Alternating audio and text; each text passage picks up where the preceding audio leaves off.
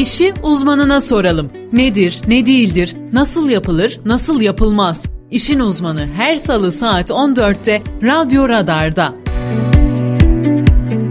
İşin uzmanı başlıyor.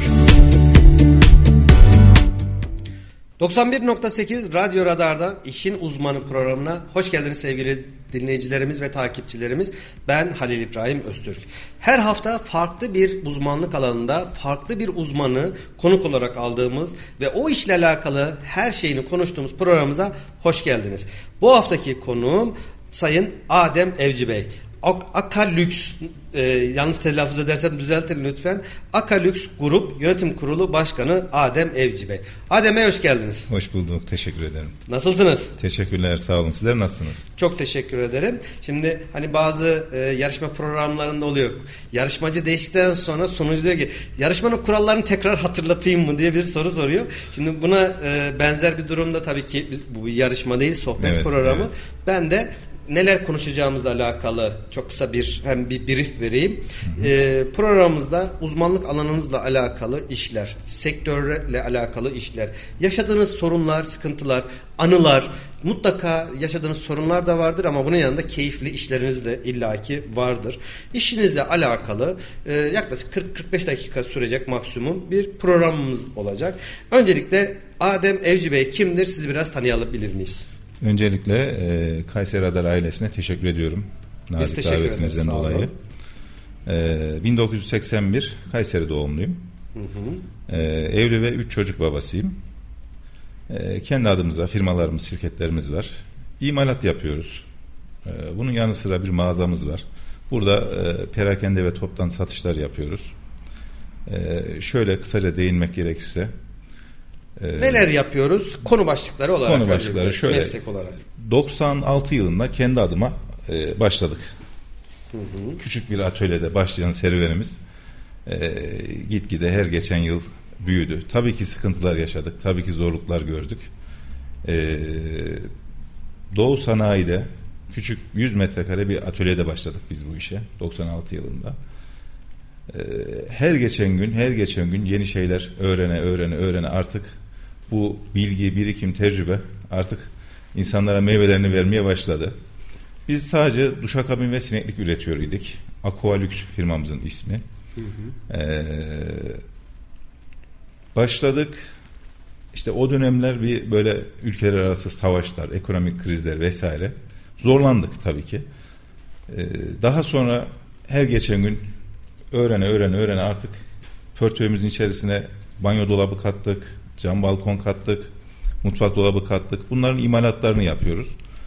Hem perakende hem toptan satışlarımız var. Çevre il ve ilçelere E, bölge bayiliklerimiz var. E, çok şükür yani belli bir yere geldik ama çok zorlandık. Hayat Toplamda, bizi çok pişirdi öyle e, söyleyeyim. Maşallah diyelim Allah selamet versin. Toplamda yanınızda kaç kişi çalışıyor? E, şu anda gözüken 40 kişi çalışıyor. Maşallah. Lakin şöyle bir durum var. Bizim alt taşeronlarımız yani e, iş verdiğimiz kişilerin verdiği işler vesaire hı hı. derken yani bu belki bir aldığımız işte 400-500 kişiye hitap edebiliyoruz. İşimiz tabii ki. Tabii yani e, mesela bir blok iş alıyorsun oraya iki kişi gitmiyor işte 10 kişi 20 kişi gidiyor. Ya, yardımcı elemanlar geliyor. Bizim alt taşeronlarımız oluyor ama bizim firmamızda çalışan sigortalı sayısı yaklaşık 40 kişi şu anda. Güzel. Şimdi e, öncelikle cam balkon konusundan başlayabilir miyiz? Evet. cam balkon e, bir, öncelikle nedir? İki, cam balkonun çeşitleri hangi amaçta kullanılır? Sonrasında soracağım sorular var. Yavaş yavaş onlara gelelim. Cam balkon nedir? Şimdi cam balkon konusunda e, şu, tüketicilere şöyle bir şeyde, bir tavsiyede bulunayım. Önce bu bir ihtiyaç mı sizin için? Yani e, birçok insanlarda şunu görüyorum. Ya işte o yaptırmış biz de yaptıralım gibi şeyler duyuyoruz. Bence bunlar çok gereksiz. Gerçekten ihtiyaç ise ve kullanım amacı nedir? Şimdi bize müşteriler geliyor bazen. Bu balkonu ne amaçlı kullanacaksınız diye soruyorum. Adam diyor ki ben oda gibi yapacağım. İşte burada oturacağım, kalkacağım, yatacağım vesaire. Ee, öyle olacaksa yani oda gibi kullanacaksa cam balkonu tavsiye etmiyorum ben. Hani şey vardır ya hani balkonda mutfağa katalım mı muhabbeti gibi, vardır. Gibi. Çünkü cam balkon hiçbir zaman yüzde yüz yalıtım sağlamaz. Hani burada marka telaffuz etmek istemiyorum ama hangi markayı alırsanız alın o istediğiniz sıcak e, sıcaklığı size vermez. Ev gibi olmaz. Ev gibi olmaz. Çünkü cephesi e, direkt camla hava temas ediyor. Yani bunun ısı camlısı vesaire var. Artık ürünler gelişti ama hiçbir zaman gene altını çizerek söylüyorum yüzde yüz bir PVC'nin yerini tutmaz. Kaldı ki onlar böyle katlana katlana olduğu için Gibi. aralarında mutlaka fitiller var tabii veyahut da tabii plastik ki. aksamlar var. Tabii ki. Bunların yüzde yüz yalıtım sağlaması zaten çok mümkün değil. Evet. Peki oradaki kaliteyle mesela bazı misafirle gittiğimiz yerlerde ya da arkadaşlarda bazen görüyoruz. Özellikle rüzgarlı havalarda ciddi anlamda bir hani e, ıslık sesine benzer evet. bir e, pencere ya da cam balkonun aralarından e, sesler geliyor ıslık sesi. Rüzgar alıyor. Evet. Bu bir montaj hatası mı yoksa cam balkonun doğasında olan bir şey mi? Şimdi e, montaj hatası ihtimalleri çok yüksek. Ama gene dediğim gibi sonuçta bunlar hareketli camlar. Tamamen açılıp tamamen kapanabilen camlar. Ee, yani montaj ne kadar iyi yapılırsa yapılsın o bazı çok şiddetli rüzgarlar esiyor. Ee, bunu engellemek neredeyse imkansız gibi bir şey. Yani cam balkon alacak kişiler ona hazırlıklı olsun. Ha o kadar da kötü tablo çizmeyeyim. Ama gene diyorum oda gibi kullanılacak ise cam balkon yerine PVC ile kapamayı tavsiye ederim. Mesela ben PVC imalatı yapmıyorum ama e, işin doğrusu bu. Doğruyu söylemek gerekirse. Çünkü bazen biz Kayseri Radar e, sayfamızda da zaman zaman e, haber konusu olanlar oluyor. Özellikle Talas bölgesi Kayseri'nin evet. en yüksek Çok e, rüzgarın şiddetinin fazla olduğu lokasyonlardan evet. biri. Aynı şekilde Mimar Sinan OSB tarafları Aynen. çok fazla rüzgar alan yerler. Zaman zaman bizim Kayseri Radar tarafına da geliyor. Cam balkonun patlaması içeri doğru veya dışarı doğru e, hoş olmayan Allah esirgesin yaralanmalara sebebiyet evet. verecek şekilde. Yani düşünün 10. kat 12. katta bir cam balkonun patlaması, parçalara ayrılması ve etrafa dağılması ile beraber aşağıdan geçen insanlar için çok ciddi Allah esirgesin ölümcül sonuçlara, kazalara sebebiyet verecek evet. kadar da hassas bir konu. O yüzden e, öncelikle vatandaşlarımıza doğru yerde bu işlemi yapmalarını kesinlikle, istiyoruz. Kesinlikle. Ürün ne kadar kaliteli olursa olsun, cam ne kadar kaliteli olursa olsun onu tutan sonuçta duvara çiviler ya da montaj aşaması. Evet işçilik ve montaj, sağlamlık herhalde ürünün kendisine. Önce sağlık diyerek, önce, önce güvenlik diyerek. Önce güvenlik e, tabii ki. Vatandaşlarımızın yaptıracak olanları, bundan sonra yaptıracak olanların mutlaka işçiliğine de en az ürünün kendisi kadar işçiliğine de önem vermesi gerekiyor. Burada mesela yine e, yapım aşamasında gördüğümüz yerlerde araya köpükler atıyorlar. Kenarlara böyle kama dediğimiz evet. ahşap yapıyorlar. Evet. Sonrasında üzerini böyle sıvayla kapatıyorlar ben daha onu gördüğüm anda ne kadar sağlıksız bir şey olduğunu e, ben anlayabiliyorum. Evet. Yani bunu yapan usta ya da e, firma bunu tahmin edemiyor mu? Ya da böyle baştan savma mı yapıyor? İşin tabiri caizse kolayına ya da ucuzuna mı kaçıyor? Bunun asıl duvara montajlar nasıl olması gerekiyor bunun teknik Şimdi, konusunda? Öncelikle konuya başından girelim. Tamam. Birincisi e, bizim yapılarda bu tip sorunlar var. Yani balkonların ölçüleri birbirini tutmuyor. Ama asıl sorunumuz o değil. E, bu işi yapan insanların birçoğunun bu konuda bilinçli olmaması. Yani meslektaşlarım adına da söylüyorum. E, herkes bu işe soyundu. Bir dönem patlama yaptı. E, eline matkaba alan tornavidayı alan çıkıyor ben bu işi yapıyorum diye. Ya bu işin bir ehliyeti yok, bir okulu yok. Ee, sorun evet, bu. Çıraklık, kalfalık. Ya sorun bu. Yani bu işin yani genel olarak aslında bu iş için demeyeyim de bütün işlerin bir ehliyetinin olması lazım. Nasıl araç kullanırken belli sınavlardan geçiyor insanlar. Bu tip şeyler de çok önemli. Yani bugün bir cam balkon yüksekte çalışıyor insanlar. Yani bu işi bilmesi lazım. Bu işin ehliyetinin olması, bir kursunun öğreniminin olması lazım. Ama maalesef e, ülkemizde bu tip sorunlar yani her sektörde var. E, yani onun için işin ehli kişileri tercih ederlerse yani biraz daha markalaşmış ya da bu işi yıllarca yapan kişileri tercih ederlerse en azından bir sorun çıktığında daha kolay giderme şansları olur. Sağlam, bilindik yerler. Evet. Uzun zamandır bu işi Biraz da uzun yerler, zaman olması evet. Uzun yani, zaman bu işi evet. yapanlar ve referans belki Kesinlikle. sizin için en önemli konulardan Kesinlikle, bir tanesidir. Evet. Mutlaka doğru yerleri araştırmak yani. gerekiyor güvenmek gerekiyor. Gerekirse yaptığı yerleri gidip görmek mutlaka gerekiyor diye Kesinlikle. düşünüyorum. Şimdi e, cam balkon dediğimiz zaman alternatif olarak PVC'den bahsettiniz. Evet. PVC olunca ne oluyor?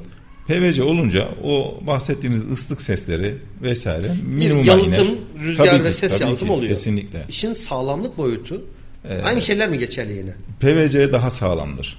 PVC daha PVC sağlam. daha sağlamdır evet. Peki işin maliyet boyutuna gelelim. Şimdi metrekare ya da metre tül fiyatlar üzerinden illaki gidiyordur ama şimdi Hmm. e, hepimiz ben mesela 9 yıldır oturduğum evde balkonum kaç metrekare ben bilmiyorum. Evet. Oturup elime metre alıp ölçmedim. Sadece ben şunu biliyorum. Metrekare anlamında tahmini balkonumun e, şöyle bir gözümün önüne getirmeye çalışıyorum. Aşağı yukarı 8 veya 9 metrekare gibi gelir. Evet. Şimdi tabii ki normal bele kadar gelen duvarı da var. Kaba bir hesapla cam balkon yaptırsam kaça mal olur? PVC olarak yaptırsam kaça mal olur bir balkon için? Şimdi e, Ortalama rakam var. Ortalama cam balkon yaptırsanız 10 bin lira gibi çıkar. Tamam. Ortalama. PVC yaptırsanız PVC'de şöyle bir özellik var. Araya atacağımız bölmeler kaç tane açılır sayısı var. Bunlar Örnek etkiliyor. bir Kaç ya da iki var açılır pencere diğerleri sabit gibi. He. diyelim. Bunlar etkiliyor fiyatları. Yani bir tane açılır olursa fiyat düşüyor. Üç tane olursa artıyor gibi. Ama yaklaşık biri 10 bin liraysa biri de 12-13 bin lira gibi. Yani aşağı yukarı yüzde 30 yirmi gibi, yüzde otuz %20 gibi, gibi, bir evet, bu iş çözülebilir. var. Ee, yani yüzde yirmi yüzde otuz fiyat farkı için PVC yaptırmak herhalde İşte PVC'nin şöyle bir sıkıntısı var. Estetiği bozuyor. Estetik. Ee, insanların ilk aradığı şey o. İşte az önce dedim ya e, ihtiyaç mı? Gerçekten. De yazın hani onu katlayıp katlayıp kenara Tabii onun ferahlığı da bambaşka bir şey. ferahlığı başka. Tabii öyle açamıyorsunuz, yine, tabii. e, tamamen iş e, ne beklediğimizle alakalı. Beklenti oda gibi kullanmayı beklemiyorsanız şimdi genelde insanlar şöyle kullanıyor. Orayı bir sigara odası gibi ya da çocuk oyun alanı gibi düşünüyorlar. Bunda sorun yok.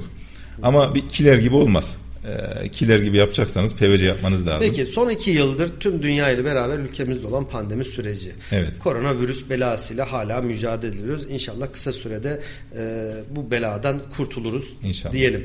Özellikle e, bu pandemi süreciyle beraber insanlar bu yasaklamaların olduğu, sokağa çıkma yasaklarının olduğu günlerde hepimiz evlerimizde bunaldık, sıkıldık. O ev bizim üze- üstümüze üstümüze gelmeye başladı. Tabii ki müstakil evlere doğru bir talep illaki arttı Evet. ama e, apartmandan çıkma imkanı olmayanlar da herhalde daha fazla balkonda yaşam ya da dışarıya açılan pencere gibi tabiri caizse orada daha çok zaman geçirmeye başladılar. Bu sizin işinizi ne kadar etkiledi bu pandemi süreci? Tabii ki hızlandırdı. Ee, çünkü talep arttı dediğiniz gibi. Ee, ama işte çalışamadık, gidemedik, gelemedik. Belirli saatler şunlar Sizin bunlar. o dönemler yorulduk. böyle Tabii. sokağa çıkma yasaklarında da etkilendiniz mi? Yoksa Ya- o özel izinlerle yine çıkabildiniz Özel mi? izinlerle çıkıldı da bizde de psikolojik şu sorun vardı. Yani bir eve montaja gideceksin.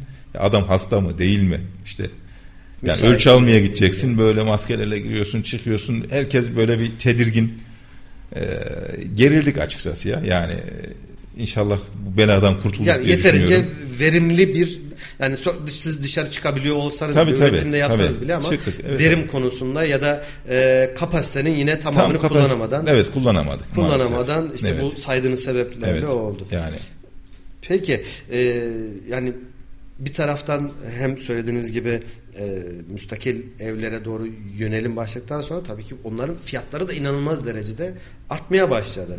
E, Asıl hem bu, konut evet. tarafında Evet. hem müstakil. Müstakil eve sahip olanlar hani böyle villa tarzı demeyeyim tabii ki ama şimdi Kayseri'nin belki yüzde biri yüzde ikilik bir kesimdir o özellikle çay bağları tarafında villa tarzı lüks yaşamın olduğu bölge. Evet. Ama benim sorum o taraf değil. Onlar zaten herhangi bir şeyin fiyatını da merak etmezler. Herhangi bir şekilde çok da sorun da etmezler. İhtiyacı varsa ya da keyfi olarak da çok rahat yaptırabilir. Özellikle müstakil ev diye bahsetmek istiyorum. Villa değil ama e, müstakil evlerde. Orada da böyle hani e, herkesin bir hayali vardır. E, kış bahçesi yapma gibi. Evet. Ya da balkon eğer zemindeyse zeminden biraz daha böyle sundurmayla kapatma gibi. Oralarda talep ne düzeyde oldu? oralarda da talep oldu. İşte lakin o tip osundurmalar malum pandemiden sonra fiyatlarımız neredeyse 3'e 4'e katladı bizim. Cam fiyatlarında son 5-6 ayda ciddi Maalesef, fiyat arttı. Ne maalesef. kadar arttı? Yani bugün mesela bir en son verdiğim bir teklifi söyleyeyim size. Bir arkadaşımız e, başka bir yerde villasına böyle bir oda yapacak. Kendisi için özel bir oda istedi. Bunun üstü kapamasıyla birlikte ha biraz lüksünü istedi. Cam balkonu sadece cam balkon değil de giyotin dediğimiz sistemler var. Böyle katlanan yukarı kumandalı falan. Böyle bir şey istedi. Ya e, yaklaşık 120 bin lira gibi bir rakam çıktı. Üf. O da aynen öyle tepki dedi. verdim ama- O da aynen öyle. Üf ya ne yapıyorsun sen? Kaç metrekareydi tahmini? Yani e, yapacağımız oda yaklaşık 40 metrekare kadardı. 40 metrekare bir yer evet, için bir oda. Tabii fiyat? üstü çatısı vesaire derken çıkan rakam 120 bin lira. 120 bin E, lira. Hala yapmadık bekliyor. Ya dedim ben biraz Ciddi daha para rakam. kazanayım tabii. Çok ciddi bir rakam. Yani Yani tamam evet parası çok olan ya da parasının hesabını bilmeyenler için belki ufak rakam olabilir ama biz genelde programımızda daha böyle orta, daha herkesin ulaşılabilir rakamlarda olmasını tabii Tabii ki. bunu istemeseydi örnek veriyorum o giyotin olmasın, açılık kapanır olmasın, tavan işte motorlu olmasın. Daha sabit kapısı olsun ama her tarafı camlı olsun. Evet. Kış bahçesi olsun deseydi rakam kaça düşerdi? e, 50-60 bin liralara düşer. Yarısından Evet, daha evet, neredeyse tabii. yarısı Evet. kadar düşebilir. Ya bu da Belki yüksek ama ya yani sektörün 40 içindeyiz ama için. gene yüksek. Ama 40 metrekare de az bir e, şeyde değil, metrekarede de değil Adem. Ya şöyle baktığınızda Kayseri'de işte inşaat maliyetleri bugün ortalama e, bir inşaat yapıyormuş gibi. Yani düşündüğünüzde inşaat yani yaptığın şey küçük bir oda, seyyar bir oda gibi düşün normalde. İnşaat gibi mal oluyor. Yani düşündüğünde. Onun için yüksek bence. İnşallah düşer diye umut ediyoruz ama çok da düşeceğini sanmıyorum. Şimdi sizin diğer taraftan hem duşakabin hem de mutfak dolaplarıyla alakalı Evet. e, faaliyetleriniz var. Üretimde yanlış bilmiyorsam siz- size ait olan Kendimiz üretimler. evet. Anahtar teslim işler yaptığınızda biliyoruz. Evet. Şimdi e, dediğimiz gibi bu pandemi süreciyle beraber talepler arttı, fiyatlar arttı. Özellikle şu son 5-6 aydır dövizdeki ciddi hareketler inşaat maliyetlerini ve dolayısıyla da inşaat fiyatlarını da arttırdı. Ee, insanların yönelimi, ev alamayanlar ne yapıyorlar bu süreç içerisinde? Ev alamayanlar öncelikle şöyle ev almak için bütün şartlarını zorluyorlar. Ne kadar Evet. yastık altı, altını, bileziği, Yastığın altı, kredisi, faizi e, ve ben buradan insanlara e, şöyle bir tavsiyede bulunmak istiyorum. Sakın ola sakın krediyle şunla bununla ev almaya kalkmayın. E, çünkü çok üzülüyorlar. Birçoğu hesabını bilmiyor. Yani adama Ciddi diyorum maliyet. kredi çekeceksin ne yapacaksın ev alacağım. Kaç yıl ödeyeceksin? İşte 15 sene ödeyeceğim. Ya kaç yaşındasın? İşte 55 yaşındayım. Ya 15 sene sonra sen 70 yaşında olacaksın. Daha kredi ödeyeceksin. He ya doğru söylüyorsun. Belki de dedi. kredinin bittiğini ömrünü Ya işte diyorum ya şu soruyu sordum vatandaşa. Ömrün geri kalan kısmını kredi ödeyerek mi geçirmek istiyorsun? Ee, baktı kaldı yani. Doğru söylüyorsun ya. Yani kiraya çık. Yani illa evin olmak zorunda değil. Tamam herkes ister. Yani dünyada bir başımı sokacak evim olsun. Güzel şeyler. Herkes kendini güvende hisseder. Ama fiyatların artması da herkesin bu denli isteğinin olması. Herkes bir evim olsun istiyor. Bir evi olan ikinci evim olsun istiyor. İki olan üç istiyor. Böylece gidiyor. Talepler yani arz talep dengesi bozuk şu anda. Çok fazla arttı fiyatlar. Ee, insanların yapacağı en güzel şey şu. Oturdukları evleri güzelleştirsinler. Yeni tadilatlar, yeni dekorasyon ya- yaptırsınlar. Yani bugün oturduğu ev 500 bin lira, alacağı ev e, diyelim 800-900 bin lira. Ya oraya 400 bin lira borçlanana kadar oturduğun eve 100 bin lira, 150 bin lira harca, çiçek gibi olsun. Baştan aşağı Tavsiyem budur yani.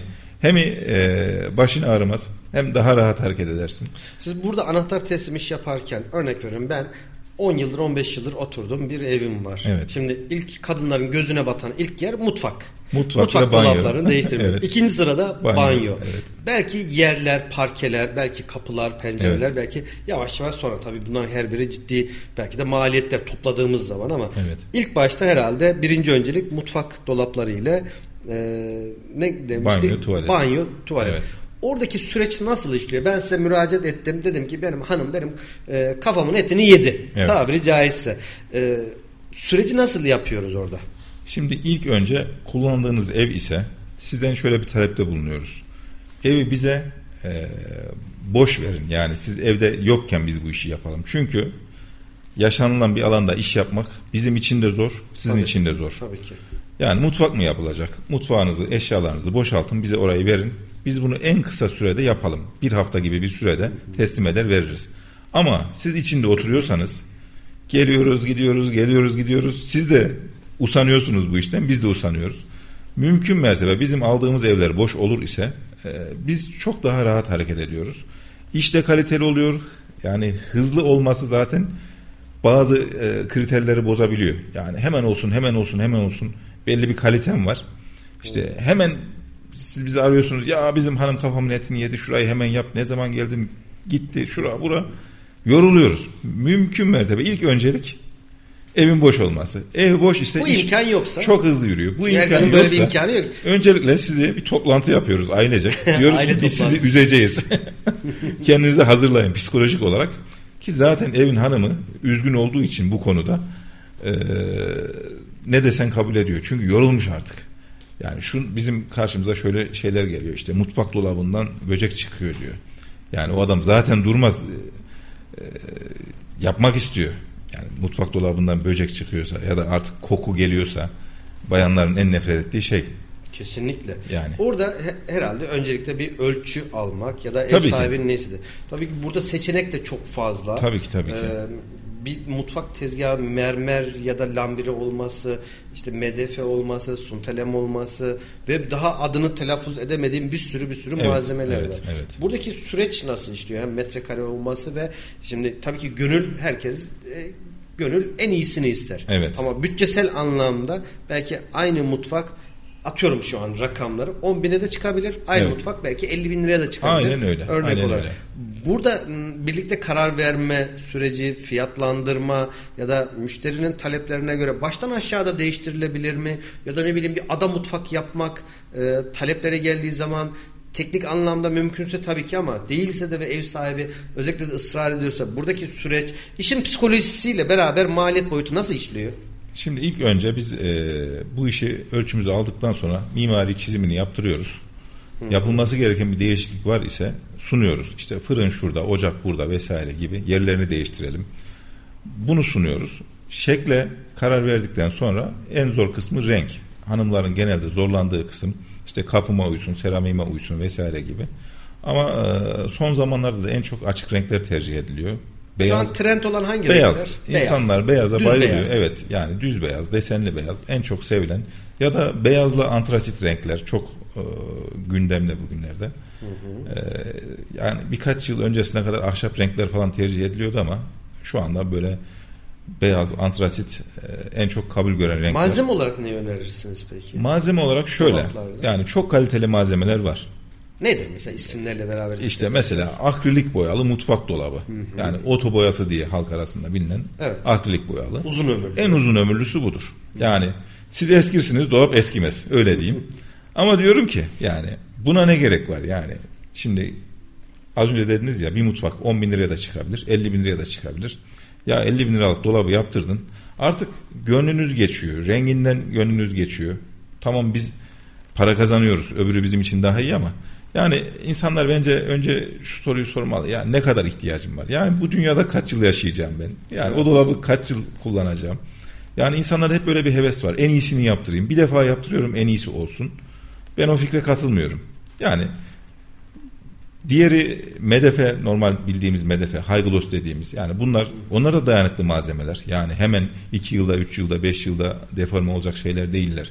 Yani dedim ya akrilik siz eskirsiniz akrilik eskimez. Lake dediğimiz e, bizim eski evimizde vardı yani 20 yıldır kullandığımız bir mutfak dolabı vardı. Artık sararmış falan. Hani biz çocukluk o dolapları gördük. Büyüdük genç adam olduk o dolaplar. Hani evi sattık aynı. da belki hala duruyordur yani. E ne gerek var yani bu kadarına da diye düşünüyorum. Şimdi tabii işin bir de malzeme maliyet tarafı var. Biraz önce camda verdiğim Evet. örnek gibi.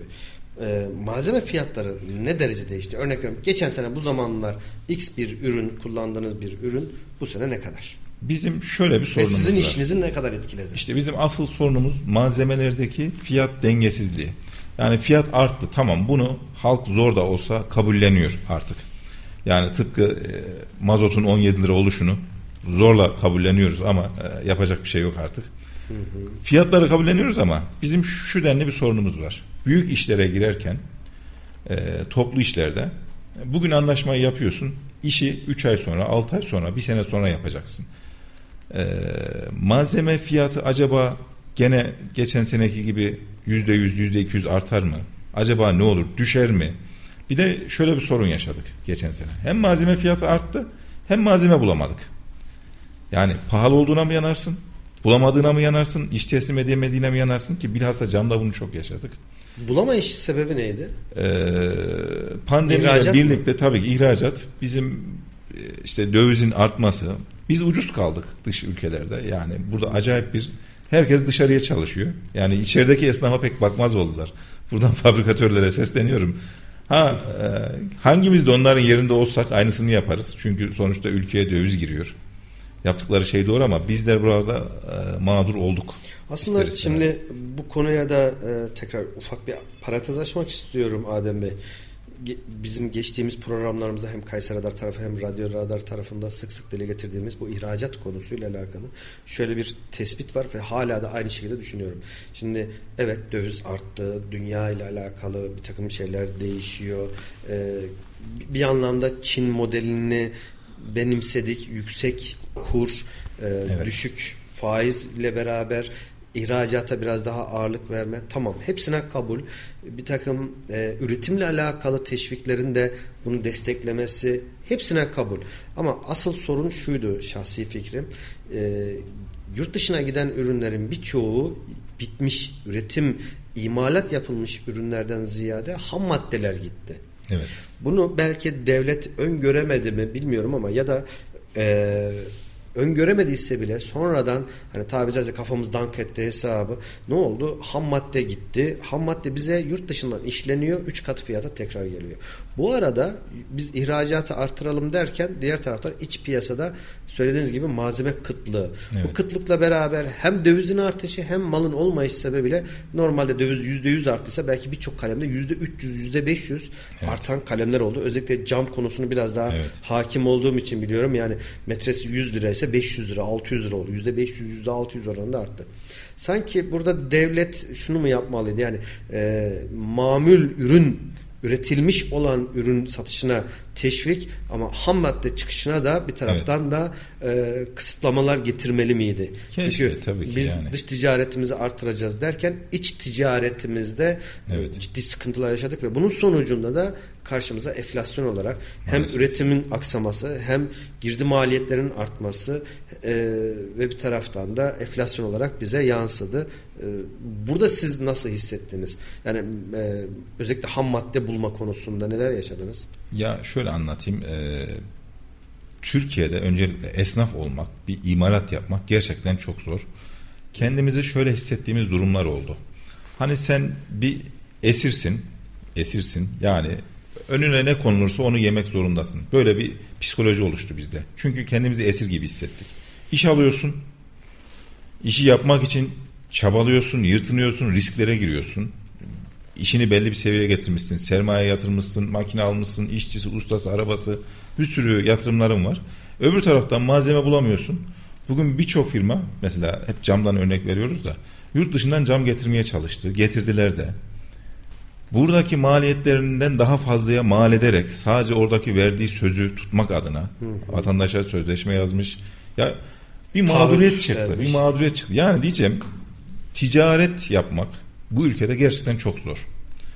Ee, yani kendimizi böyle kötü hissettiğimiz anlar oldu. Yani niye Sektörün böyle oluyor? psikolojisi Tabii, bozuldu diyebilir miyiz? Kesinlikle. Psikolojiniz kesin. bozuldu mu? Psikolojimiz çok bozuldu. çok bozuldu. ee, yani Zaten genel olarak insanların psikolojisi pandemiden dolayı baya baya bozuk. Artık insanlar çok değişik şeyler yapıyorlar. Hiç beklemediğin insanlar beklenmedik hareketler yapıyor. Farklı farklı e, şeyler yapıyorlar. Alıştık bunlara. Ee, inşallah inşallah düzeleceğini ümit ediyoruz. Ee, malum işte bugünlerde bir savaş var. Çoluğun çocuğun psikolojisi bozuluyor. Yani haberlerde savaş izliyoruz. Ee, benim elinizi öper küçük üç tane oğlum var da Allah en küçük olsun. Allah razı olsun en küçük soruyor. Baba bu savaş neden çıktı diyor. İnsanlar neden birbirini öldürüyor diyor. Ve cevap veremiyoruz. Çocuğa şöyle bir cevap verdim. Düşündüm düşündüm. Oğlum dedim ortada bir şey var bölüşemiyorlar. Onun için savaşıyorlar. O diyor benim o diyor benim artık öyle bir cevap verdim yani. Siz dedim sakın böyle şeyler yapmayın. Bir şeyi bölüşün. Yani evet. genel olarak bütün dünyada insanlığın sorunu bu bence. Yani bölüşmemek, paylaşmamak bilmemek. tabii ki bencil olmak. Evet. Duşakabin konusuna girelim. Evet. Duşakabin üretim ve imalatınız da var bir taraftan. Evet. Duşakabin e, ya sıfırdan yaptırırken veyahut da evde bir tadilat e, yapacağımız zaman nelere dikkat etmeliyiz? Malzeme seçimi ne olmalı? Malzeme seçimi ne olmalı? Öncelikle temperli camları tavsiye ederim. Hı hı. Cam kalınlığı olarak en aşağı 6 milimi tavsiye 6 ederim. temperli. Ee, bazı e, toplu konut yapan arkadaşlar genelde 4-5 milim kullanıyorlar maliyet açısından ama bunların patlaması kırılması çok tehlikeli biliyorsunuz. Temperli camla lamine cam arasındaki fark nedir? Temperli cam e, tek parça olan camdır. Lamine cam iki camın birleştirilerek arasında bir e, şeffaf tabaka. Hangisi daha sağlıklı? Lamine cam daha sağlıklıdır ama lamine Daha mı camı sağlam? e, daha sağlamdır tabii ki. Yani lamine cam şöyle kırıldığı zaman dağılmaz. Evet. İki camın ortasındaki o folyo onu tutar, dağılmaz. Temperli cam dağılır. Temperli cam da zaten kolay kolay kırılmaz. Yani tekmeleseniz kıramazsınız te- temperli Ama kırıldığı zaman da yanlış bilmiyorsam temperli cam Patlar. fırın, fırınlandığı Evet. için de hani bu araba camları misali patladığı zaman böyle kesik Un yapması biraz daha şeydir. e, ne Kesmez. diyeyim? Kesmez. Kesmez, Elimizi evet. kesmez. Ama e, lamine cam daha sağlamdır ama Evet. öbür taraftan bir kırıldığı zaman blok halinde riski daha mı fazla? Kesme ya da yaralanma riski. Ee, lamine camı şöyle söyleyeyim tamamen risksiz görebilirsiniz. Çünkü kırı- kırıldığında dağılmıyordur. Birbirini tutar o. Dağılmaz. Daha sağlamdır. Ama duşakabinlerde lamine cam çok kalın olacağı için tercih edilmez. Yani duşakabine 6 milim yeterli. Daha Maliyet iyisi olarak hangisi daha? lamine cam daha pahalı, pahalıdır lamine cam. hem Evet. kalın olur hem, Hem kalın sağlam olur, hem ama ağır olur. Hem Ee, ağır olur. onu hem de pahalı. o çok avantgard bir şey olur. Yani kimse tercih etmiyor zaten onu. Ama kaliteli bir duşakabin yaptırmak istiyorsanız bunu en az 8 milimden yapılabiliyor ki. O da böyle hani ben tarif ederken Mercedes kapısı gibi olur böyle. Çok sağlam olur. Hissettirir tuttuğunuzda böyle. E, 8 milimi tavsiye ederim. Yaklaşık maliyetlerde bugün bir 8 milim camlı bir kabinin yaklaşık 6-7 bin lira 8 bin lira ölçüsüne göre değişiyor. İçinde neler var? Bu hizmetin içinde mesela musluklar ya da o e, Yok duş başlığı sadece falan dahil mi? sadece kabinden bahsediyorum. Sadece Cam kabinden kabinden evet. Bugün camlı bir kabin e, 1500 liradan yani 8-10 bin liraya kadar camlı kabin baktığınızda aynı gibi durabilir ama e, kalınlığıyla sağlamlığıyla fiyatları değişiyor. Zamanla kullandıkça sanırım aradaki fark daha İşte anlaşılır. 8 milim olanlar en kolay kolay kırılır. O da sizi eskitir yani öyle söyleyeyim. Evet. Şimdi sizde bir taraftan da imza yapı Evet. var. Ee, seramik üzerine. Aynen öyle. Hem bir bu konuya girelim ondan sonra da seramikle beraber bir duşa kabin aşağı yukarı kaça mal olur sorusunu soracağım. İmza yapı da neler yapıyorsunuz? Biraz bizi imza yapıyla alakalı bilgilendirir misiniz? İmza yapıyı şöyle e, tarif edeyim öncelikle. Çevre yol üzerinde mağazamız var. E, eski çevre yol diye geçiyor. E, Şimdiki Koca Sinan Bulvarı. Şimdiki Koca Sinan Bulvarı. Hatta isim olarak belirteyim. Bilindik bir otelimiz var. Orada bir Real House diye bir otel var. Onun yanında mağazamız var. Burada biz Uşak Seramik'in bayisiyiz. Güzel. Toptan ve perakende satışlar yapıyoruz. Bugün e, Ankara'dan, Mersin'den ta Silopi'ye kadar toptan ürün sevk ediyoruz. E, ama bunun yanı sıra da mağazamızda böyle anahtar teslim işler yapıyoruz. Yani siz geldiniz, e, banyonuz, tuvaletiniz ya da eviniz komple değişecek, yenilenecek. A'dan Z'ye her şeyini yapıyoruz. Parkesi, işte kabini, dolapları, seramikleri, işçiliği, kırımı, harfiyatı e, böyle bir hizmet veriyoruz. Anahtar burada. teslim. Anahtar teslimi, Hizmette böyle evet. hem toptan hem perakende Aynen hem öyle, seramik aynen. hem mutfak ya da VC ile alakalı tüm Evet. e, malzemeleri de bulabiliyoruz. Aynen öyle. İstersek perakende olarak alabiliyoruz. istersek de anahtar teslim Aynen. olarak da ev tadilatında size Aynen. verebiliyoruz. Peki biraz önceki soru. Duşakabin konusu. Şimdi yaklaşık 6-7 bin lira gibi bir cam maliyetimiz var. Evet. Temperli cam maliyetimiz Evet. var. Biz seramik ve duş başlıklarını değiştirmek istedik. Evet. O zaman kaça mal oluyor? Yaklaşık. Şimdi e, evet. Ya da bir duşakabin kaç metrekare olması lazım öncelikle? Onu soralım. bir duşakabin en aşağı bir 90'a 90 olması lazım. 90'a 90. En Küçük aşağı, mü olur acaba? evet. Bir metreden küçük. Bir metreden biraz küçük. Ama ovali tavsiye etmem. Şöyle tavsiye etmem. Ovalin içi dar olur.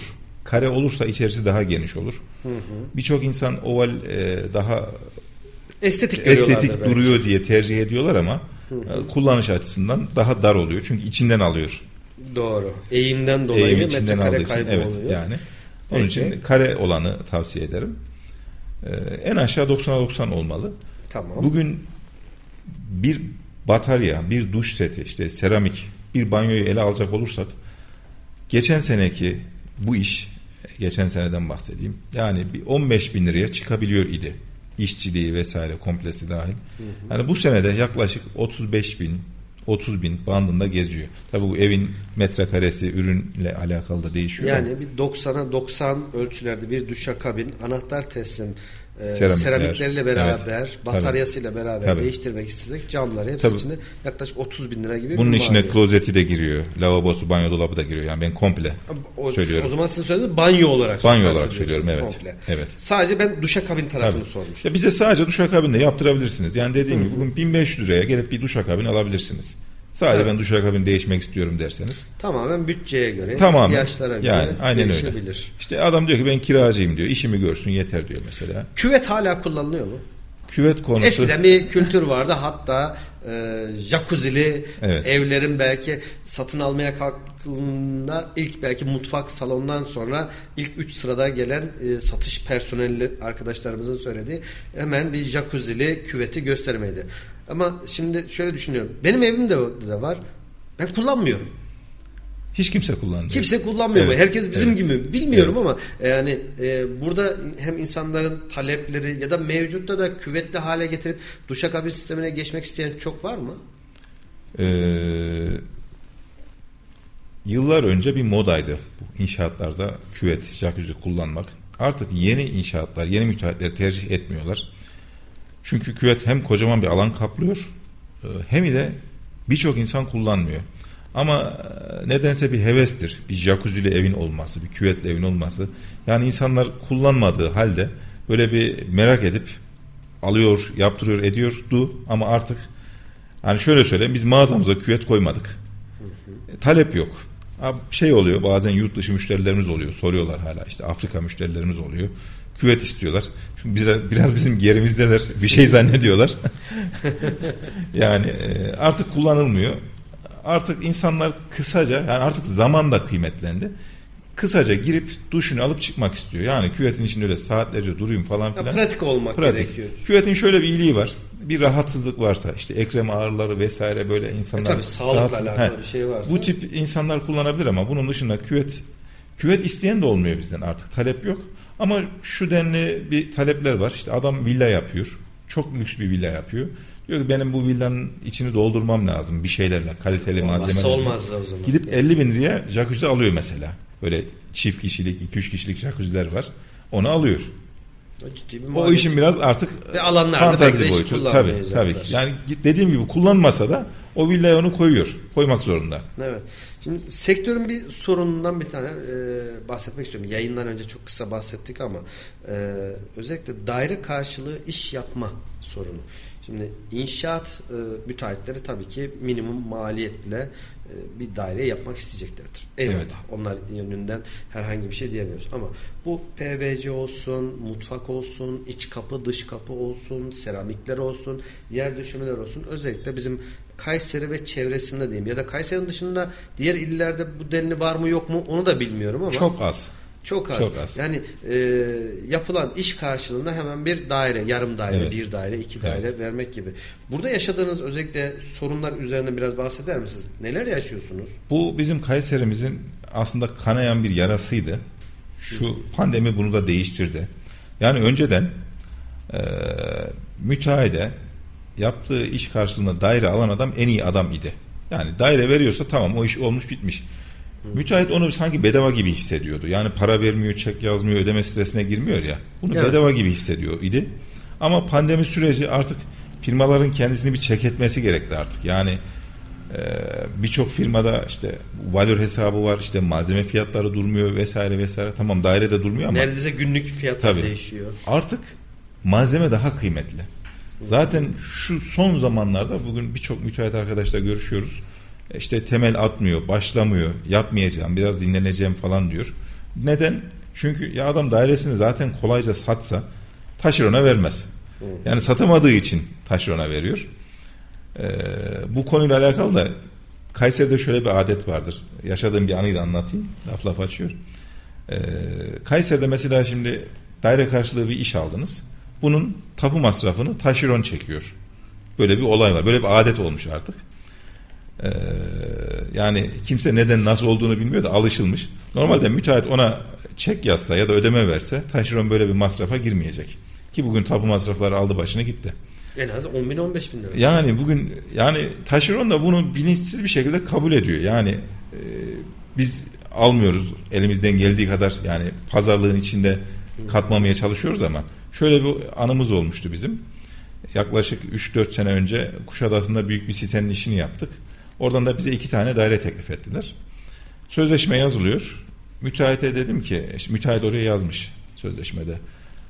Daire tapu masrafları vesaire vesaire taşeron firmaya aittir diye. Bir dakika orada durun dedim. Neden bana ait dedim. Niye öyle olmuyor mu ki falan dedi. Öyle olmuyor dedim. Ee, peki nasıl olması gerekiyor dedi. Sen bana şimdi dedim çek versen ya da para versen ben böyle bir masraf edecek miyim dedim. Doğru etmeyeceksin dedi. Durdu durdu düşün. Adam haklı ya dedi. Tamam sözleşmeyi düzeltelim dedi. yani Ama e, doğrusu bu kendisi zaten. çekti masrafları. Doğrusu bu. Kayseri'de de böyle olması lazım ama maalesef Kayseri'de birçok kişi az önce cam balkon mevzusunda da söylediğim gibi ticarette ehliyetsiz. Yani ehliyeti yok adamın. Yani bilmiyor ya o öyleymiş diyor. Adet öyleyse tamam gidiyor. Belki üretim imalat konusunda belki iyi bir ustadır ama Aynen işin öyle. pazarlığı, Aynen işin öyle. ticareti boyutunda Aynen öyle. söylediğiniz gibi Ya eğer usta bilmiyorsa- ustalık yapsın. Kardeşim pazarlamacı pazarlamacılık yapsın. Yani herkes patron olmak zorunda değil. Herkes zengin olmak zorunda değil. Yani böyle bir zorunluluk yok. İnsanlar bir iş yapıyorsa o yapıyor ben de yapayım. Böyle bir mecburiyet varmış gibi düşünüyorlar. Şimdi daire karşılığında sizin sektör gibi işte fayansçısı benzer, PVC'si benzer, iç kapı, dış kapı, mutfak dolapları herkes benzer bir şey oluyor. Burada şöyle bir yorum yapmak istiyorum. Müsaadenizle bana katılır mısınız bilmiyorum. Şimdi e, müteahhit taşeron firmalara daire karşılığı bu işleri yaptırdığı zaman örnek veriyorum dairenin normalde satış fiyatı 500 bin lira Evet. tüketiciye sattığı, vatandaşa sattığı. Taşeronla da aynı rakam üzerinden anlaştı. Evet. Taşeronun belki orada kar marjı yüzde yirmidir, otuzdur. Orasını bilemem ya da ondur. Yani Tabii işi yaptığı zaman yerine koyması gerekiyor. Evet. İlla ki yerine koyacak ve ticareti hayatına devam etmesi gerekiyor. O an bir sıkışıklık ya da sezonun dışında olduğundan dolayı belki o müteahhit 500 bin liraya saydığı daireyi belki 450'ye belki 400 bin liraya satıyor. Rakamları sadece şu Evet. an faraza olarak Evet. söylüyorum örnek olması açısından. Affedersiniz. Şimdi 400 bin liraya sattıktan sonra bir taşerondan alıyor. Bizim şimdi Kayserimizde de genelde ben taşerondan aldım. Daha ucuz alıyorum bir algısı Bir var. algı oluştu, Bir. evet, maalesef. Eğer örnek veriyorum işte 50 dairelik bir binadan bahsediyoruz. Belki 20'sini 15'ini müteahhit firma bu şekilde kimini dolapçıya, kimini Evet. kapıcıya, kimini fayansçıya verdi diyelim. Orada bir 400 bini bir şekilde o araştırma aşamasında duyduysa oradaki diğer henüz satılmayan dairelerin fiyatı otomatik olarak 400 bine endekslenmiş oluyor. Aslında bu hem müteahhit için sıkıntı, Aynen. taşeron firma için de sıkıntı. Aynen. Yani şöyle duyuyorum bazı e, şimdi marka isim belirtmek istemiyorum ama taşeronluk yapan inşaatlarda müteahhitlerle çalışan bazı firma sahipleriyle sizin gibi değerli iş adamlarımızla görüştüğümüzde şunu söylüyor. Ya benim işim aslında şu ama ben emlakçı oldum. Emlakçılığa döndü iş. Elimde diyor şu an diyor örnek veriyorum 20'ye yakın daire var. Bir öyle, emlakçıda aynen. bile olmayan daire Aynen bende öyle. var. Emlakçı başkasının malını alıp satarken ben kendi dükkanım, kendi dairem haline geldi ve ben bunu satmaya çalışıyorum. Evet. Paraya çevirmek için de mutlaka e, fedakarlıklar yapmak zorunda kalıyor ya da iskontolarını arttırmak zorunda kalıyor. Şimdi bunu sektörde bir kanayan yara belki de. bu. Bunun önüne geçmek için bir hem bu yaptığım yoruma katılıyor musunuz hem de bunun önüne geçmek için çözüm ne olmalı? Katılıyorum öncelikle yorumunuza. Ee, zaten şöyle bir şey söyleyeyim. Ee, pandemi dedik ya birçok şey zaten taşları yerine oturtturdu.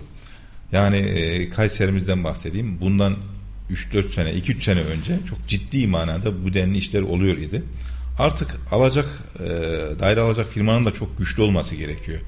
Yani müteahhit ona daire veriyor ama bu kendi öz kaynaklarıyla gidip alacağı malzemenin ödemesini yapması gerekiyor.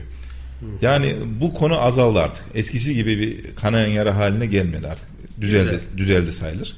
Zaten müteahhitin de güçlü olanı işte 500 liralık daireyi adam 400'e satacaksa diyor ki kardeşim sen bunu 400'e satma.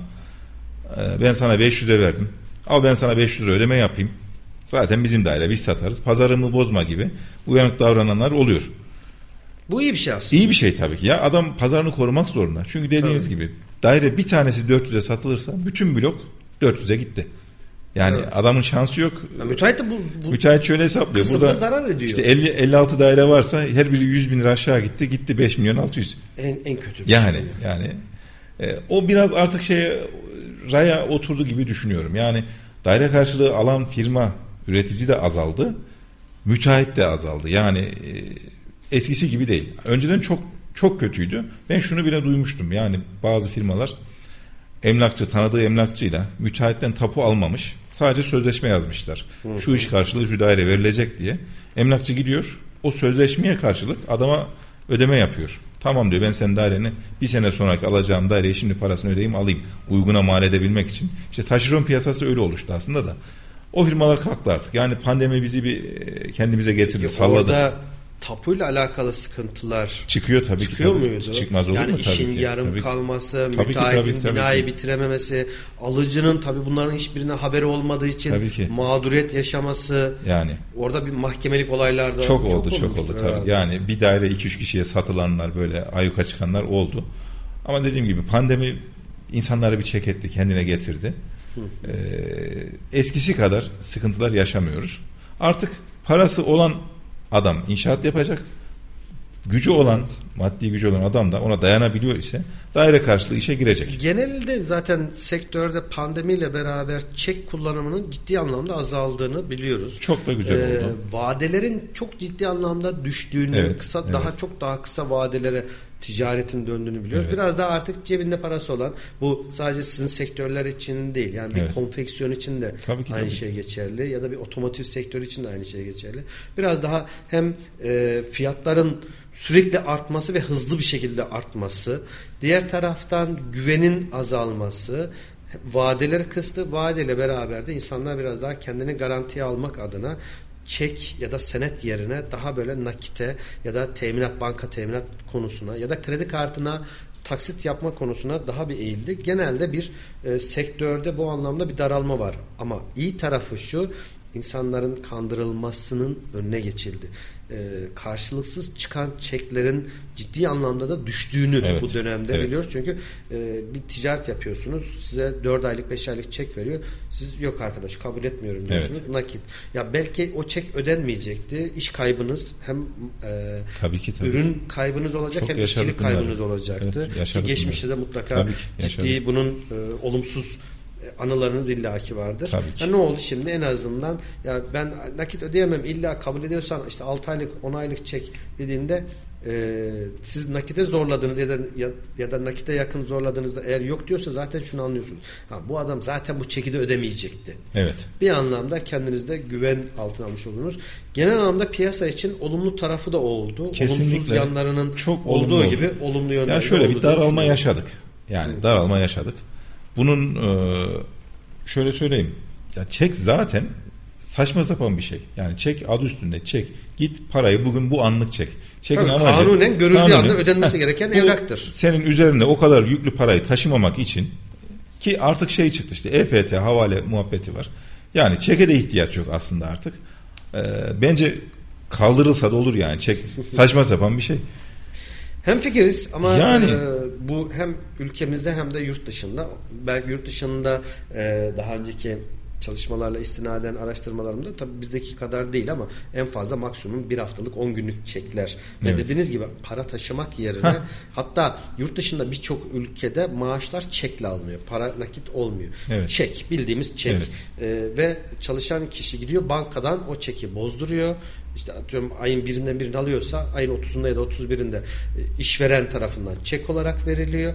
Onu götürüyor bankaya ayın birinde bozduruyor ve para olarak taşıyor. Şimdi paranın taşınmaması açısından bu söylediğiniz doğru. Ama ülkemiz açısından da tabii ki çekli alışveriş yapmanın mutlaka faydaları var. O vadeyi bir şekilde insanlar kullanıyor ve onun ödeme süreci içerisine girene kadar kendini toparlayıp tabiri caizse işletmesini döndürülebilir haline zaman geliyor. başka Ama şey değil. art niyet olanlar da Evet. oldukça fazla gördük e, iş hayatı içerisinde. Evet. Çok fazla insan bu konularda e, Allah esirgesin tabii battı, göçtü. Tabii ki, tabii ki. Yani bir firmanın batması demek yanında belki en az 3 tane, 5 tane ya da 10 tane daha sektörü. Ya düşünün Allah esirgesin bir inşaat firması bir batsa büyük bir Ki inşaat yaşadık firması geçmişte bunları. kaç Tabii. tane sektörü Aynen. besliyor? Aynen. En az 15-20 tane ayrı taşeronu Aynen. besliyor ve e, daire vereceğim diyor. Sen sözleşmesini yapıyorsun. Daire karşılıyorsun. Herhangi bir ödeme almamışsın. Daireler bitecek ki inşaat bitecek ki siz o daireyi paraya çevireceksiniz. Kesinlikle. Ama o süreç içerisinde bir sürü iş yapmışsınız ya da betoncu ama birdenbire firmanın böyle çok bloklu yapıldığı anda Allah esirgesin yanına birçok sektörü de götürecek dere- derecede sıkıntılı işler. O yüzden söylediğiniz gibi çekin kaldırılması daha ziyade e, al sat daha böyle nakitin döndüğü işler ve büyük olanların olması hem piyasa güvenilirliği açısından daha önemli hem e, mağduriyetlerin yaşanmaması için belki söylediğiniz çok daha mantıklı. Bu konuda belki bankalar işin teminat ya da garantörlük konusunda biraz daha devreye girebilir. E, firmadan, taşerondan ya da müteahhitten teminat alıp ona göre belki blokeli hesaplarla belirli vadeler içerisinde taşeronların hesabına geçecek şekilde. Yani bunun anlamı nedir? 6 aylık size çek vermek yerine 6 eşit taksitte her ay otomatik olarak banka hesabınıza yatırılacak paradan bahsediyorum. Banka burada gerekli teminatı inşaat firmasından alırsa Aynen. blokeli hesaplar olarak bankanın hesabına yatar. Siz bilirsiniz Bankadan bunun e, teyidini alırsınız ve banka oradaki sözleşme hükümlerine göre her ay size taksitler halinde hesabınıza rakam nispetinde 6 aysa 6 ay, 10, 10 aysa veya 15 aysa 15 ay. Evet. Bu konuda aslında taşeron firmaların çok bir vadide sıkıntısı yok. Sadece alıp alamayacağının garantisi konusunda mutlaka sıkıntıları var. Orada belki devlet eliyle teşvikler ve banka üzerinden teminatlarla alakalı taşeronların da mağduriyet yaşamaması için belki olabilir mi? Tabii ki bunda devlet büyüklerimiz illaki O bizi aşıyor, evet. O bizi aşan büyüklerimizin konular ama işi, biz evet. naçizane kendi çapımızda bir öneri olarak O sunalım büyüklerimizin işi, dedik. evet. 55 dakika olmuş. Maşallah, Ee, maşallah. Hiç- akıp hiç giden farkında bir zaman değilim. oldu. Son olarak hem e, Adem Evci olarak sizden son olarak eklemek istediğiniz yaptığınız işlerle alakalı şöyle bir, bir iki dakikalık size bir konuşma fırsatı vererek konuyu özetleyelim. Sonrasında kapanış yapalım. Öncelikle dediğim gibi insanlar bir şey almadan önce ihtiyaç mı bu gerçekten elzem mi değil mi bunu e, sorgulayarak harcamalarını yapsınlar. Malum günümüzde artık dediğim gibi her şeyin fiyatları çok arttı. Yani diyelim e, sizin paranız var siz alıyorsunuz ihtiyacınız olmadan alıyorsunuz. O ürünün fiyatı artıyor çok fazla talep olduğu için. E, başka birinin gerçekten ihtiyacı var. Ee, bu artan rakamlardan dolayı o elde edemiyor o ürünü. Yani herkes ihtiyacı kadar alışveriş yaparsa, herkes ihtiyacı kadar kullanırsa e, bu enflasyon da bence yenilecektir. Benim öngörüm bu. Çünkü en basit bir şeyden bahsedeyim. İşte akaryakıt zamları. Ben insanlara bugün halkımız adına üzüldüm. O petrol istasyonlarındaki sıralara. Yani ya tamam belki bir depoda 50 lira 100 lira kara geçeceksiniz ama e, yarın gene aynı fiyattan alacaksın. Ya biz bu kadar mı küçüldük? Yani üzülüyorum ben e, bu hale gelmesine. Yani herkes ihtiyacı kadar alsa hiçbir problem yok aslında. Ya e, işte tamam bir sıkıntı var. Az talep dengesi bozuk şu anda. Biraz idareci olmak gerekiyor. Yani e, ayakkabıya ihtiyacın varsa al. Gidip de 10 tane ayakkabı alıp da eve dizmene gerek yok bence. Bakış açım bu benim. İnsanlara tavsiyem budur. Evet, israf etmeden ihtiyaç kadar. Yani Kısa bir reklam arası verelim. Reklamlardan sonra tekrar buradayız. 91.8 İşin Uzmanı programında ben Halil İbrahim Öztürk. Bu haftaki konuğum Sayın Adem Evci Bey'di. Akkar Lüks Grup Yönetim Kurulu Başkanı. Kısa bir reklamdan sonra tekrar birlikteyiz. İşin uzmanı devam ediyor. 91.8 Radyo Radar'dan tekrar birlikteyiz. Ee, kısa bir reklam arasından sonra işin uzmanı programımız devam ediyor. Sonlara doğru yaklaştık. Bu haftaki konuğumuz Adem Evci Bey'di. Adem Bey bir de son olarak Esnaf ve Sanatkarlar Derneği'nin bir başkanlığını yaptınız. Ee, o konulardan biraz bahsedebilir miyiz? Nasıl oldu? Neler yaptınız? İcraatlarınız neler oldu o dönem içerisinde? e, 2014 13-14 yıllarında Esnaf Sanatkarlar Derneği Ester Kayseri Şube Başkanlığını yaptım. E, gayet güzel günlerde. Bizim buradaki amacımız esnafa bir birlik beraberlik sağlamak. Esnafın e, sorunlarını dinlemek, onlara yol gösterici olmak. Çünkü az önce e, işim toplantının başında da program başında da söylediğim gibi birçok insan yaptığı işi bilmiyor. Nasıl yapacağını bilmiyor. Esnafımızın hala esnaf diye piyasada olan arkadaşlarımızın birçoğu KDV nedir, işte e, iskonto nedir, vergi nedir, nasıl ödenir bilmiyor. Birçoğu mali müşavirine teslim olmuş durumda. Yani bugün mali müşavir arıyor diyor ki abi şu kadar kadeven çıkıyor ya da şu kadar vergin çıkıyor. Ya nasıl olmuş biz ne yaptık ki falan filan muhabbetler oluyor. Yani kendisi hesabını bilmiyor. Kısacası. Esnafın problemi bu. Neyi nasıl yapacağını bilmiyor. Biz de bu amaçta yani Ester'in amacı zaten buydu. 2014 yılında e, bayrağı Kemal Erçalık Bey'e teslim ettim. Kendisi hala başkanlık yapıyor. Çalışmalarından ötürü de kendisine teşekkür ediyorum. Başarılı çalışmalar yapıyor esnafımızın yanında. E, bugün ben şahsi olarak krediye, faize karşı bir insanım. Hele hele işletmesi olan bir insanın tamamıyla bankalardan uzak durması gerektiğini düşünüyorum. Ee, bizim Esler'in de kafa yapısı, altyapısı aslında bu. Yani faizsiz sistem. Kendi aralarında bir birlik beraberlik olsun. Yani önceden eskiden böyle şeyler vardı. Bir selamla bir insan bir insana gider bir alışveriş yapardı. Senin bana selamın gelir. Şu lazım alırsın verirsin falan. Şimdi bu güven bitti artık. Bu bitti. E, artık insanlar e, kendilerini bankalarda buldular. Bugün bankalar zaten ilallah ediyorlar. Gelsinler de kredi verelim, şöyle yapalım, böyle dedim. Ve hep şunu söylerim yani faiz işte dinimizde de işte Allah'a savaş açmaktır. Bugün faizle uğraşan birçok işletme yani ben buradan altını çizerek söylüyorum. İşletmeyi faizle döndürüyorsa bir insan batmaya mahkumdur. Çünkü bir defa e, yaratıcıya kafa tutuyor, Allah'a kafa tutuyor. Bu çok yanlış bir şey. Kesinlikle e, arınmalarını, kurtulmalarını tavsiye ediyorum. E, bizim de oradaki Ester'deki önceliğimiz buydu. Faizsiz, bankasız neler yapılabilir, neler edilebilir. Bu konuda çalışmalar yaptık çok şükür. E, yalnız şöyle şu konuya da değinmek istiyorum. Türkiye'de odalar bence üstlerine düşen görevini tam anlamıyla yerine getirmiyorlar. Bugün ticaret odası var, esnaf odaları var, birçok odalar var. Birçoğu işte aidatlar vesaireler alıyorlar. E, bunu Kayseri için söylemiyorum. Genel olarak bütün Türkiye olarak söylüyorum. Ama e, ne esnafını tanıyor, ne esnafa yönelik bir şeyler yapıyor. Sadece aidat, aidat, aidat. Esnafın sadece orada bir işi olursa gidiyor zaten. Bir evrak işi olursa odayla irtibat kuruyor. Yoksa ne odanın onunla alakası var ne de onun odayla Böyle bir ortam var maalesef. Yani odalar esnaflarını tanımalı bence. Onlara yol göstermeli. Onlara e, yeni yollar açmalı. Mesela birçok esnafın devletin verdiği teşvikten haberi yok. Mesela bilmiyor. Biri söylerse ya da mali müşavir biraz uyanıksa söylüyor şöyle şöyle yapalım gibi. Ee, odalar bu tip konularda işte briefingler vermeli, yol göstermeli ya da bir işte danışmanlık müfettiş, hizmetleri. danışmanlık hizmeti vermeli, bir şeyler atamalı yani. Esnafın birçok eksik yanı bunlar. Yani esnaf devlete karşı olan yükümlülüğünü de bilmiyor birçoğu. Yani hepsi adına söylemiyorum tabii birçoğu.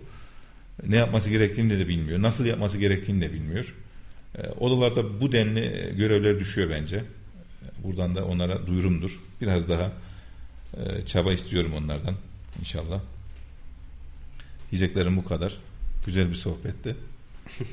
Çok teşekkür ediyorum. Ben teşekkür ederim e, Sayın Adem Evci Bey. Programımıza direkt kattınız. Teşekkür Sizden ederim. bugün hem şirketinizde Akalüks Grup olarak neler yaptınız, imza yapıdan bahsettiniz, e, anahtar teslim işler yapıldı, evet. PVC cam nedir ne değildir, hem de cam balkonla kıyaslaması, işin evet. maliyet boyutları hepsini birden e, sizinle konuştuk. Bir tarafta sektörün sorunlarıyla da e, alakalı konuştuk. En büyük sorunlardan biri de daire karşılığı iş yapmak evet. olarak belirttiğiniz üzere.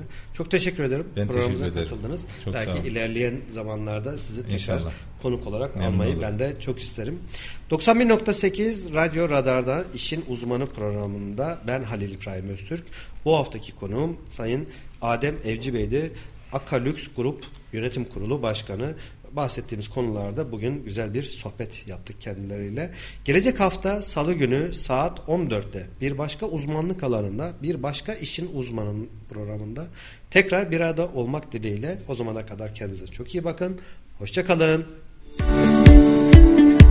İşin uzmanı sona erdi.